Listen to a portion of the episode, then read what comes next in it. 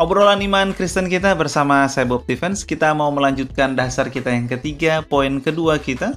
Setelah poin pertama kemarin kita melihat dalam sesi yang lalu bagaimana awal mula dari dosa manusia, yaitu manusia mementingkan dirinya sendiri dalam kehendak bebas yang dia miliki, dia memilih secara sadar.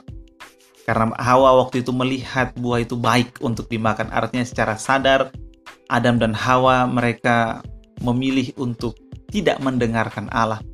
Artinya manusia dari semula memang hati manusia kecenderungannya adalah mementingkan dirinya sendiri mendengarkan suara hati lebih daripada mementingkan Allah dan mendengarkan suara Allah. Dan awal mula itu kemudian um, menghasilkan dampak yang sangat negatif, sangat besar dan salah satu dampaknya yang besar, yang sangat besar bahkan adalah manusia berada di bawah bayang-bayang maut. Dan karena berada di bawah bayang-bayang maut, maka segala sesuatu menjadi sangat membosankan dan sia-sia.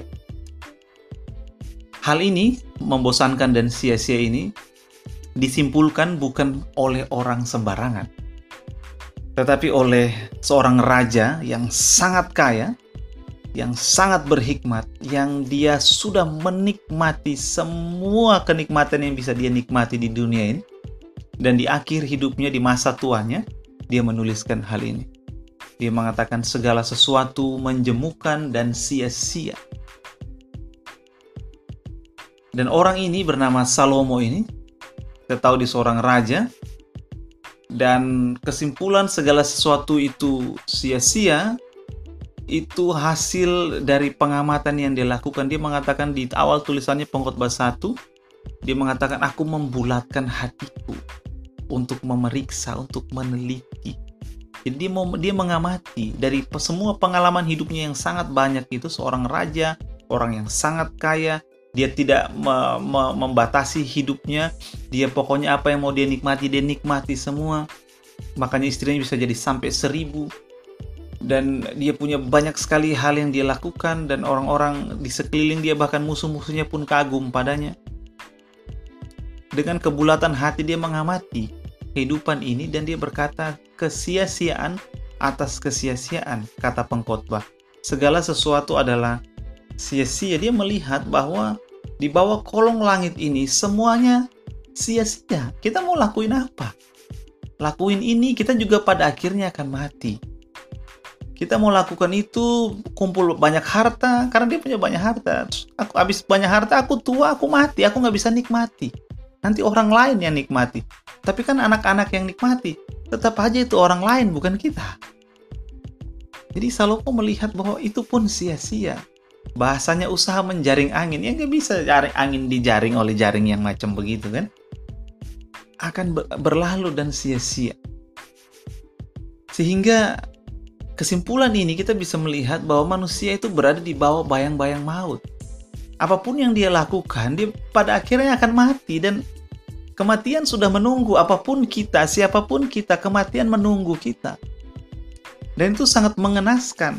Karena betapapun mulia seseorang, betapapun hebatnya dia, betapapun sangat mampu untuk dia bisa menikmati semuanya, dia akan menjadi tua dan ketika dia tua dia memikirkan kembali lalu semua yang aku nikmati ini akan aku tinggalkan karena kematian. Itu yang diamati Salomo. Dan Salomo mengatakan hal itu bahwa kesia-siaan atas kesia-siaan segala sesuatu sia-sia. Makanya jadi sangat membosankan, jadi sangat menjemukan, dan sia-sia semuanya karena kita pada akhirnya akan mati. Dan bukan hanya orang pikir tua baru mati. Terutama sekarang masa-masa begini orang berpikir hampir setiap hari tentang kematian. Karena manusia memang berada di bawah di bawah bayang-bayang maut. Kita setiap hari dibayangi dengan kematian kita sendiri, kita dibayangi dengan kematian orang-orang yang kita kasihi, manusia berada di bawah bayang-bayang maut. Tetapi tulisan Salomo yang gelap ini, uh, moodnya gelap dan feelingnya sangat gelap tulisannya. Di akhir tulisan dia mengatakan hal ini. Akhir kata dari segala yang didengar ialah takutlah akan Allah dan berpeganglah pada perintah-perintahnya. Karena ini adalah kewajiban setiap orang. karena Allah akan membawa setiap perbuatan ke pengadilan yang berlaku atas segala sesuatu yang tersembunyi, entah itu baik, entah itu jahat. Salomo mengingatkan bahwa takutlah akan Allah, berpegang pada perintah-perintah. Sekalipun kita berada di bawah bayang-bayang maut, menjadi sangat membosankan semua hal, jadi sia-sia karena pada akhirnya kita akan mati. Kita dihantui oleh kematian orang-orang terkasih. Namun Salomo mengatakan, kamu harus takut akan Allah, kamu harus berpegang pada perintah-perintahnya. Karena pada akhirnya, semua ini, walaupun semua sia-sia, membosankan, menjemukan, Allah akan menuntut pertanggungjawaban darimu. Kamu harus tanggung jawab. Jadi udah berada di bawah bayang-bayang maut, berada di bawah bayang-bayang bahwa nanti suatu saat kamu akan berdiri dan mempertanggungjawabkan semuanya. Makanya Salomo bilang, kamu perlu takut pada Allah. Kira-kira gitu poin kita yang kedua. Kita akan bergerak poin yang ketiga, sementara itu kiranya sejahtera dari Allah Bapa kita dan kasih karunia-Nya menyertai Anda dan orang-orang yang Anda kasihi.